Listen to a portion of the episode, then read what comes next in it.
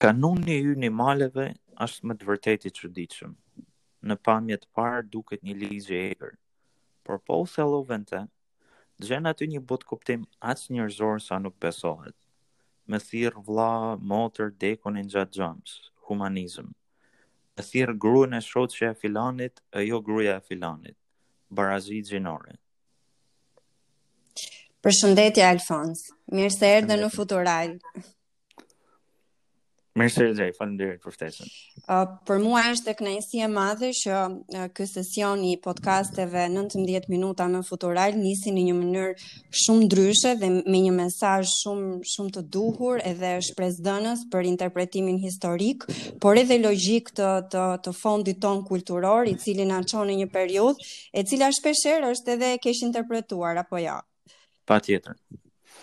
Uh, unë në fakt do doja të dija se uh, paraprakisht unë e di që ti ke lindur në Malsinë e Madhe, pra në Bogë, dhe do mhm. doja të më thoje këto eksperiencat e tua me, me mënyrën se si je rritur kur flasim për çështje të humanizmit, barazisë gjinore, sepse ti tashmë na, na, na recitove, pra na solle shumë bukur një, një pjesë të shkëputur nga Rrno vetëm për me tregue të atë Zef Pllumit. Po ti, studimet e tua, mendësitë e tua, a ka një konstatim të caktuar për këto? Uh, po, faleminderit Dorela. Është pyetje me shumë vend realisht. Uh, un un mendoj që një paragraf i tillë një farë mënyre sjell në pah edhe keqkuptimin që shqiptarët kanë ndaj vetes dhe ndaj shkuarës së tyre. Ë uh, kemi një tendencë të të nënvlerësues uh, ndaj ndaj shkuarës dhe vlerave që mund të jenë me shumë vend. Normalisht kanuni, vlerat kulturore gjithë ato janë produkt i kohës së tyre. Mirëpo brenda tyre ka edhe vlera që mund të jetërsohen dhe t'i përshtaten kohës më vonë. Pra, uh, kjo është dinamika e zhvillimit normal të një vendi. Kurse ajo që kemi tendencë të bëjmë ne këtu në Shqipëri është që t'i harrojmë gjitha. Përvoja ime në në Malsinë e Madhe është e tillë që pavarësisht e, kushteve, rrethanave a, dhe vështirësive që sillte jeta, a, kishin një, një dinamikë shumë të fortë të komunitetit. Për shembull në, në gjitha rastet ku kishe një, një gzim, një hidhërim familjar, a, gjithë fqinjët, gjithë kushërinjtë e largët, gjithë farëfisi, ishin aty për të dhënë mbështetjen e tyre. Normalisht, sikurse në çdo komunitet shqiptar, ekzistojnë edhe edhe aspektet e tjera që janë jo shumë të lavdueshme, si tip thashethemesh, mirëpo nuk duhet harruar që edhe në kushtet normale, ku mendojmë që jemi zhvilluar kaq shumë, në kushtet e, e hidhërimit, shqiptarët kanë një ndjeshmëri të jashtëzakonshme. Dhe pyetja lind nga kjo, Përse e ruajmë vetëm për raste të tilla? Pse nuk tregohemi më më mirëdashës ndaj njëri tjetrit edhe në jetën e përditshme? Unë këtu doja të ndaloja në fakt Alfons duke duke të cilësuar këtë pjesën që shpeshherë kanuni dhe elementë të tillë janë uh, cilësime shumë të rëndësishme ku ti e përmende vetëm për uh, për çështjet që ka të bëjë me nderimin e jetës të personit edhe të bëri të gjithë bashkë së bashku dhe respektimi, Por ka elementë të tjerë të cilët janë të njohur pak, po edhe shpesh të keqinterpretuara për këtë pjesë. A e ke hasur ti këtë këtë gjë, pra këto keqkuptimet, ballafaqimin me komunitetin, sepse ne duhet t'i bëjmë me dije dëgjuesit që ti je një djalë vërtet i lindur në Shqipëri, por i studiuar jashtë dhe ke ke mundur të bësh atë në reflektimin edhe përqasjen me me përvojat e tua në Amerikë, në Skoci, në Holandë. Uh, po, Dorald, është, është e vërtetë. Keqkuptimet janë, janë gjithanshme, uh, gjithanshme, janë brenda komunitetit, por janë edhe jashtë tij. Brenda komunitetit është në, në zhdukje sipër ajo hallka e, e personave që ishin të aftë ta, ta interpretonin dhe që njihnin mirë uh, kanunin. Uh, zhvillimet politike dhe shoqërore me ardhjen e demokracisë i kanë i kanë dhënë një, një rëndësi shumë të ulët kanunit dhe gjithë aspekteve mënyrën se si bëhet një martesë, se çfarë cilësimesh marrin njerëzit në këto raste, apo edhe rastet më të interpretuara zakonisht në media dhe shoqëri siç është gjakmarrja. Edhe kjo është ndoshta një ndër aspektet më të keqkuptuara dhe të keqinterpretuara nga gjithsecili si nga shoqëria, nga media, madje edhe studiues në disa raste. në rrethanat ku gjakmarrja funksiononte, ekzistonin interpretime shumë specifike për rrethanat ku gjakmarrja ishte një mjet a, a, a, që përdorej për të qartësuar, për të pajtuar, për t'i dhënë zgjidhje një problemi të caktuar. Normalisht në rrethanat ku jemi ne nuk ajo është e, e papranueshme, Mirëpo në mungesën e, e një sistemi ligjor, një policie, një rendi, një, një arbitri siç është shteti me, me fuqi absolute e, ndaj popullatës që sundon, kanuni ishte një, një mekanizm shumë i rëndësishëm i zgjidhjes së problemeve. Ishte kushtetuta e asaj kohe, thënë ndryshe. Edhe ne mund të marrim shumë vlera që të ndërtohen dhe të përshtaten me kohën. por pa pasur që do shim çdo gjë që kemi përpara dhe fillojmë nga zero. Këtu doja të ndaloja në fakt. Shpeshherë ne e kemi kompleks faktin që të pranojmë se kanuni ka qenë ligji jonë edhe mundohemi që të gjejmë justifikime për të treguar se duhet t'i shmangim këto debate, nuk duhet të futemi në këtë pjesë sepse mund të krijojnë konflikte, gjë të cilën ti sapo e vërtetove që nuk është e vërtetë. Pra, ne në kanun kemi çështje të cilat kanë bërë të mundur mirëfunksionimin e shoqërisë dhe që përveçse duhet analizuar thellësisht, nuk duhet keqinterpretuar. Uh, Alfons, unë në fakt do doja që ta bënim pak më intensive bisedën përpara se ti të na thuash uh, pjesën e studimeve të tua dhe aty ku ti flet më mirë kur bëhet fjalë për profesionalizmin, sepse do doja të shërbente edhe si një formë për të nxitur të rinjtë për të studiuar jashtë edhe për për t'u rikthyer në Shqipëri, ashtu siç e ke bërë edhe ti. Por këtu tek tek tek pjesa e cilësimit që bëre te te kanuni, unë nuk nuk të lë dot pa shpëtuar edhe pa të pyetur, sepse përmende dasmën, përmende martesën edhe përmende këto çështje që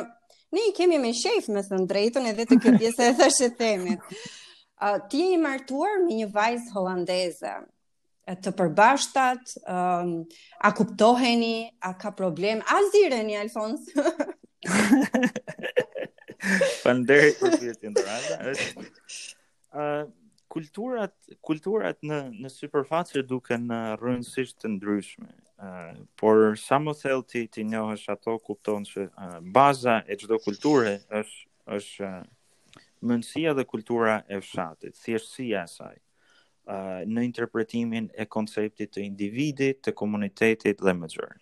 Dhe në këto rrethana, uh, kusha prejardhja ime nga nga zona e Malësisë së Madhe është realisht një një nyje e, e fortë që më ndihmon të kuptoj kulturat perëndimore, sidomos të Evropës Veriore, nga mënyra se si e konceptojnë veten dhe dhe njëri-tjetrin. Për shembull në uh, zona e nga ku kam lindur, nga ku vij unë, është njihet për për uh, theksin që i vendoset tek individualiteti. Uh, Njëkohësisht është është kjo ndodh paralel me rëndësinë që i jepet komunitetit në përgjithësi. Domethënë, përgjegjësia që ti merr si individ i pavarur, njëkohësisht pa cenuar të drejtat e të tjerëve që janë uh, përreth teje.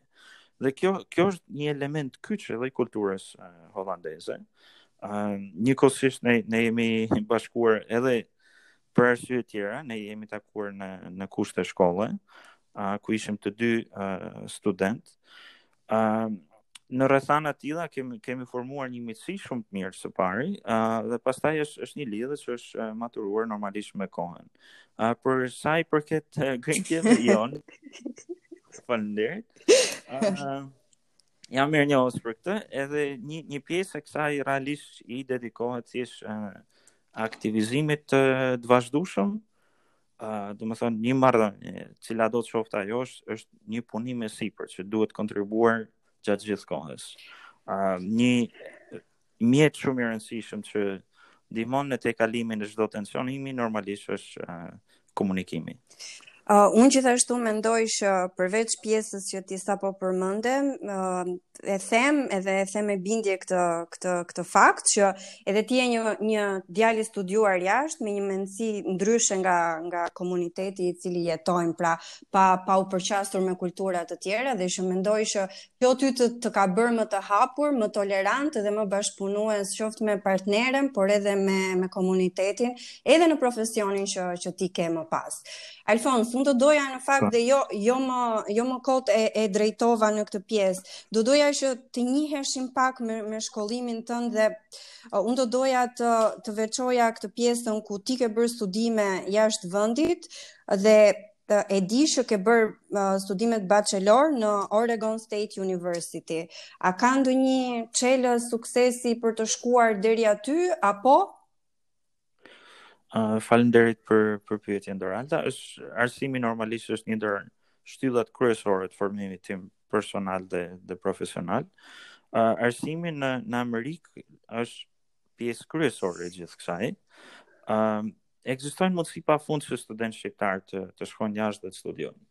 Uh, ka plot studentë shqiptarë që studiojnë gjithandej. Uh, domethënë është, është e vështirë të gjesh një vend apo një universitet ku nuk ka, nuk ka pas shqiptarë ose që nuk ka aktualisht që studiojnë atje. Pavarësisht rëndësisë uh, universitetit, pavarësisht nivelit, çdo gjë. Domethënë, nga kjo anë, ne, ne jemi një, një popull i jashtëzakonshëm që të gjejmë mundësi, të krijojmë mundësi edhe aty ku s'ka.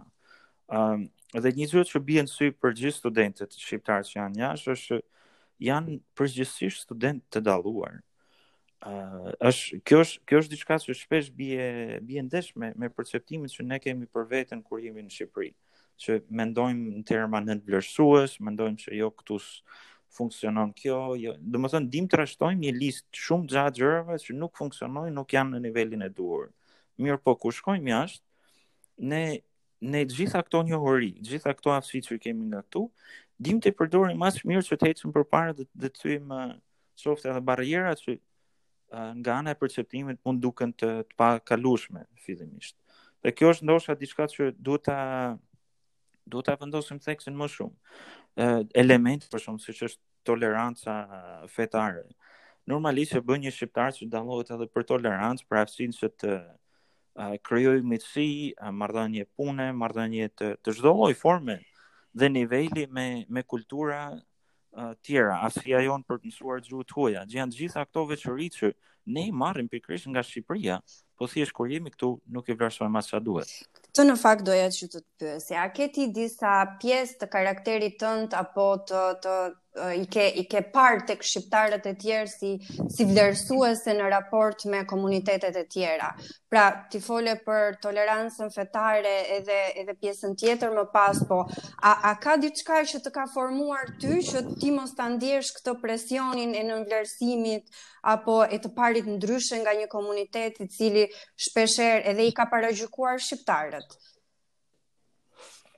Uh, po, ndoshta përvoja në Amerikë është uh, disi me rol të rëndësishëm në këtë pjesë, pasi Shqipëria atje ose në pjesën ku kam jetuar, në pjesën perëndimore të Amerikës, Shqipëria nuk njihet fare.